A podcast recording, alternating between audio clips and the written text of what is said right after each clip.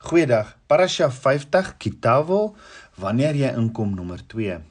In Deuteronomium 27 vers 1 tot 13 staan en Moses het saam met die oudstes van Israel aan die volk bevel gegee en gesê: "Onderhou al die gebooie wat ek julle vandag beveel."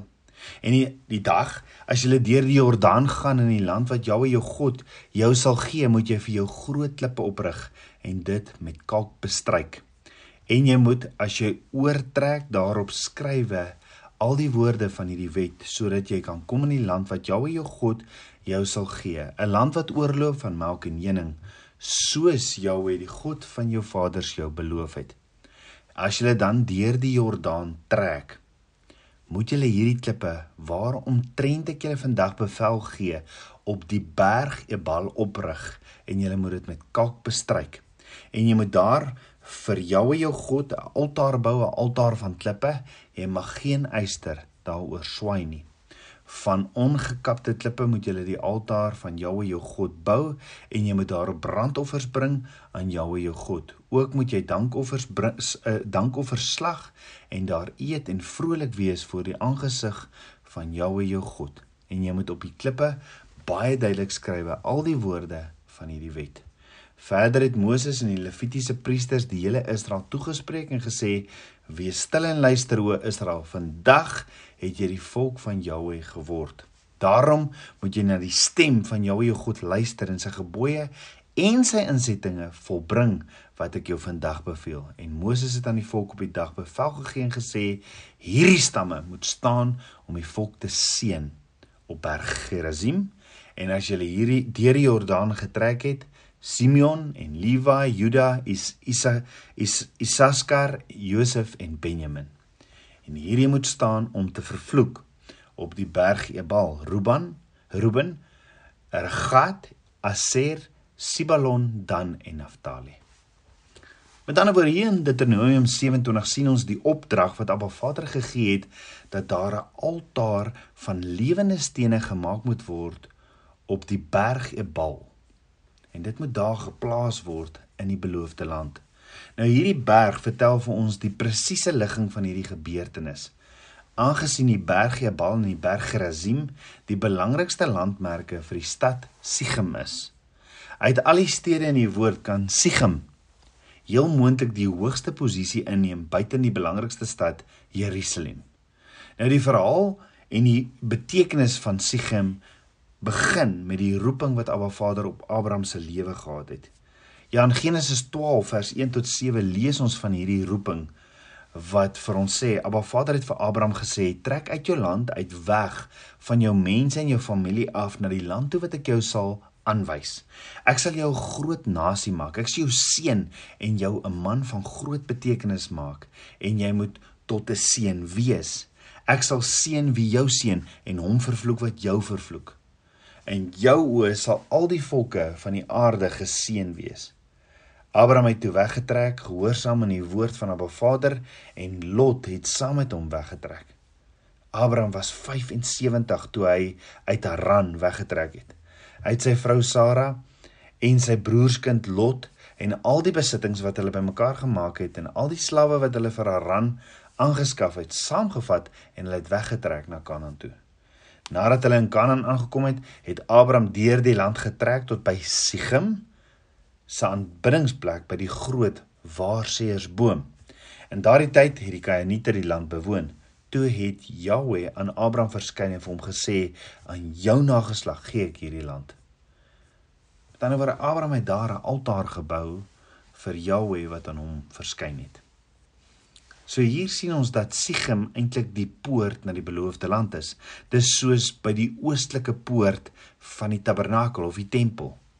Sichem is die plek waar die verbond tussen Abba Vader en Abraham gesluit word namens die erfenis van die land. Dit is die eerste plek waar 'n altaar in die heilige beloofde land gebou is om Abba Vader te aanbid. En soos ons sal sien, sal dit die plek wees waar Yeshua ons ook iets baie baie belangrik kom leer oor aanbidding aanbidding. Maar na Abraham sien ons dat Jakob ook in Sichem geëindig het nadat hy met Esau herenig het.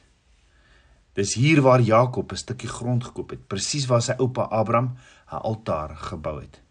Jakob het sy oupa se altaar herbou en dit Elohim van Israel, die hoogste regter van Israel, genoem. Dan in Genesis 37 vers 12 tot 13 staan Josef se broers het hulle pa se kleinvee gaan oppas in Sichem. Toe sê Israel vir Josef: "Kyk, jou broers pas die kleinvee op in Sichem. Ek wil jou na hulle toe stuur." En Josef het geantwoord: "Goed pa." So dink gou daaroor. Hoekom het Josef se broers die kudde in Sichem laat wy? Ja, omdat hulle pa Jakob daar grond gekoop het volgens Genesis 33. Dit was hier in Sichem waar waar al Josef se probleme eintlik begin het. Met ander woorde, nou het ons al Abraham hier hier gekry in Sichem, Jakob, Josef en al sy ander boetes op hierdie selfde plek wat almal bymekaar tot verbinding bring. Later het Jakob uiteindelik die land aan die seuns van Josef, Efraim en Manasseh gegee. En hoor gou, dit is ook hier waar die bene van Josef begrawe is in Sichem. Dit sien ons in Joshua 24 vers 32.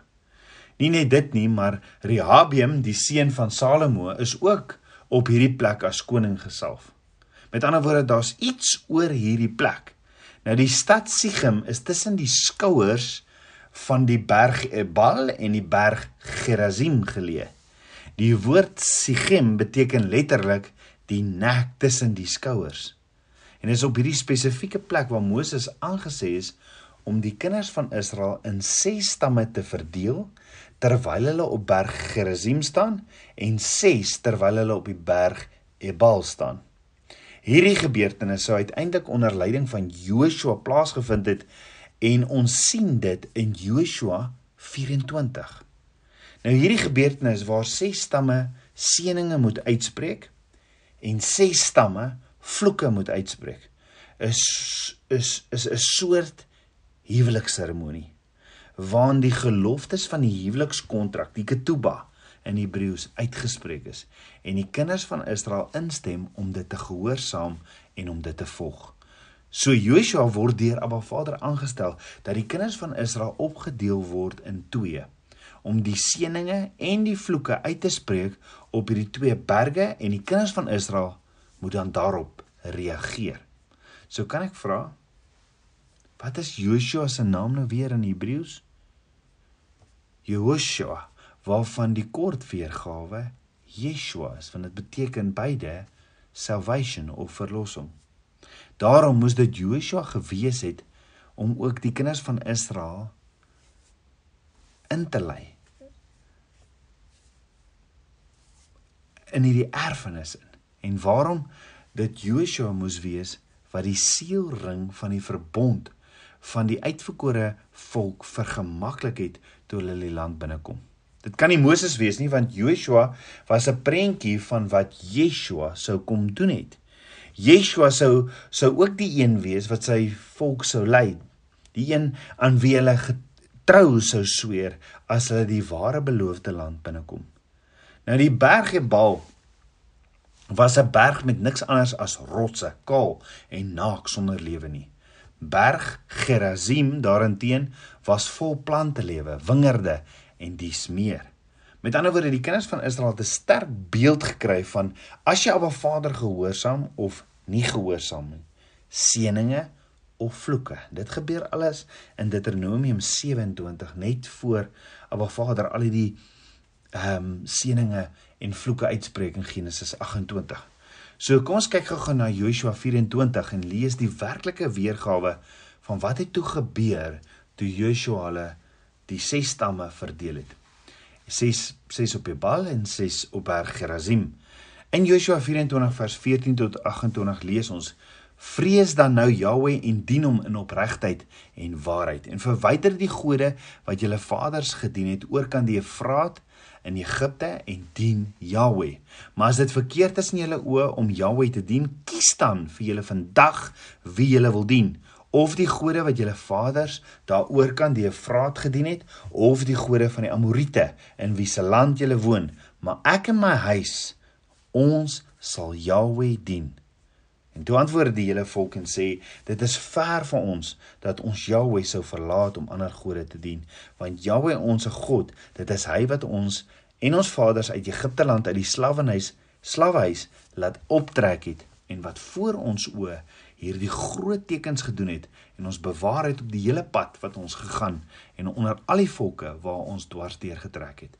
En Jahweh het al die volke en die Amorite die inwoner van die land voor ons uit verdrywe. Ook ons sal Jahweh dien, want hy is ons God. Maar Joshua het vir die volk gesê: "Julle kan Jahweh nie dien nie, want hy is 'n heilige God. Hy is 'n jaloerse God. Hy sal julle oortreding en julle sondes nie vergewe nie. As julle Jahweh verlaat en vreemde gode dien, sal hy julle weer kwaad aandoen en julle vernietig nadat hy aan julle goed gedoen het." En toe sê die volk vir Joshua: "Nee, maar ons sal Jahweh dien." En daarop sê Joshua aan die volk: "Julle is getuienis teen julleself dat julle vir julleself Jahweh gekies het om hom te dien." En hulle sê: "Ons is getuienis." Verwyder dan nou die vreemde gode wat onder julle is en neig julle hart tot Jahweh die God van Israel. En daarop sê die volk aan Joshua: Ons sal Jahweh ons God dien en na sy stem luister. En op die dag het Joshua met die volke verbond gesluit en vir hulle 'n insetting en 'n reg vasgestel in Sigim. En Joshua het hierdie woorde in die wetboek van God geskrywe en 'n groot klip geneem en dit daarop opgerig onder die eikeboom wat by die heilige plek van Jahweh is. En toe sê Joshua aan die hele volk: "Kyk, hierdie klip sal 'n getuie teen ons wees, want hy het al die woorde van Jahweh gehoor wat hy met ons gespreek het." En hy sal 'n getuie teen julle wees sodat julle God nie verloon nie. En toe het Joshua die volk laat gaan, elkeen na sy erfdeel toe. Nou, ons almal was al by 'n troue. En by 'n troue is daar hierdie hierdie deel in elke huwelikseremonie waar die egpaar sê ek doen. Nou in hierdie seremonie is dit te vind in vers 21 waar die volk vir Joshua gesê het ons sal Abba Vader dien.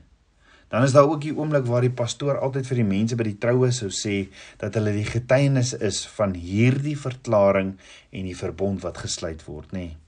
En dit gebeur in vers 22 toe Joshua aan die volk gesê het: "Julle is getuienis teen julleself dat julle Jahweh vir julleself gekies het om hom te dien." Joshua sê dan ook vir hulle dat hulle alle vreemde gode aanbidding moet los op dieselfde manier as wat 'n pastoor die vir 'n paartjie wat trou sou ook sou sê dat hulle enige ander liefde teenoor enigiemand anders moet los en hulle self net aan mekaar moet toewou eh, toewy want is hierso waar jy een word een egat. En die huweliksverbond is onderteken toe Joshua neergeskryf het wat in die boek van die wet van Abba Vader gebeur het. Nadat die huweliksbeloftes gesê is neem Joshua toe 'n groot klip en sit dit onder dieselfde terpentynboom waar waar Vader sy verbond met Abraham gesluit het. En dit is hier waar Jakob die altaar van van Elohim van Israel verklaar het en waar die hele Israel nou beloof het om op 'n Vader hulle bruidegom te volg. Nou dit was nie genoeg dat die mense getuienis teen hulle self sou sou wees nie. Nee, Joshua is geïnspireer om 'n steen, die Hebreëse woord eben, op te stel 'n 'n hoofhoeksteen of chief cornerstone wat ook 'n getuie teen hulle sou wees. Dit sou hierdie klip wees wat die verbond tussen Abba Vader en sy volk sou initieer. Niemand sou die beloofde land kom binnegaan sonder om eers 'n verbond met Abba Vader te sluit onder die getuie van hierdie steen nie. Nou in Hebreëus is dit die woordjie seën en die woord klip beide uit dieselfde wortelwoord bana wat beteken bouer. Dis in 'n geestelike sin is Joshua besig om die seën op te rig in die skaduwee van sy vader, die groot en magtige eikeboom wat bo die geslagte van mense leef, die meesterbouer van die verbond. So dit is verstommend dat daar soveel gebeur hier in hierdie klein stadjie met die naam van Sichem, nê. Nee. Sichem het ons gesien beteken die nek tussen die skouers. Maar om oor te ponder, kan dit nie dalk verwys ook na die hoëpriester nie? en daarna sal ons kyk. Kom ons bid saam. Ons almagtige Vader, Papa God, dankie vir u woord. Dankie dat u met ons is en dat u vir ons lief is. Vader, ons gee ons harte vir u. Lei ons uit die bose, uit die versoeking en leer ons om kom raak ons monde aan met 'n vuurkoel om meer lewe te spreek as dood. Vader, ek wil in verbond wees met u. Ek wil saam met u stap en u op u weë en getrou Ishma. Dankie Vader vir u woord. Was my met die waterpad van u woord en kom leef vir my. Meer en meer van u. Ek bid dit alles in Yeshua, Messie se naam, die seun van Jahweh. Amen. Shalom.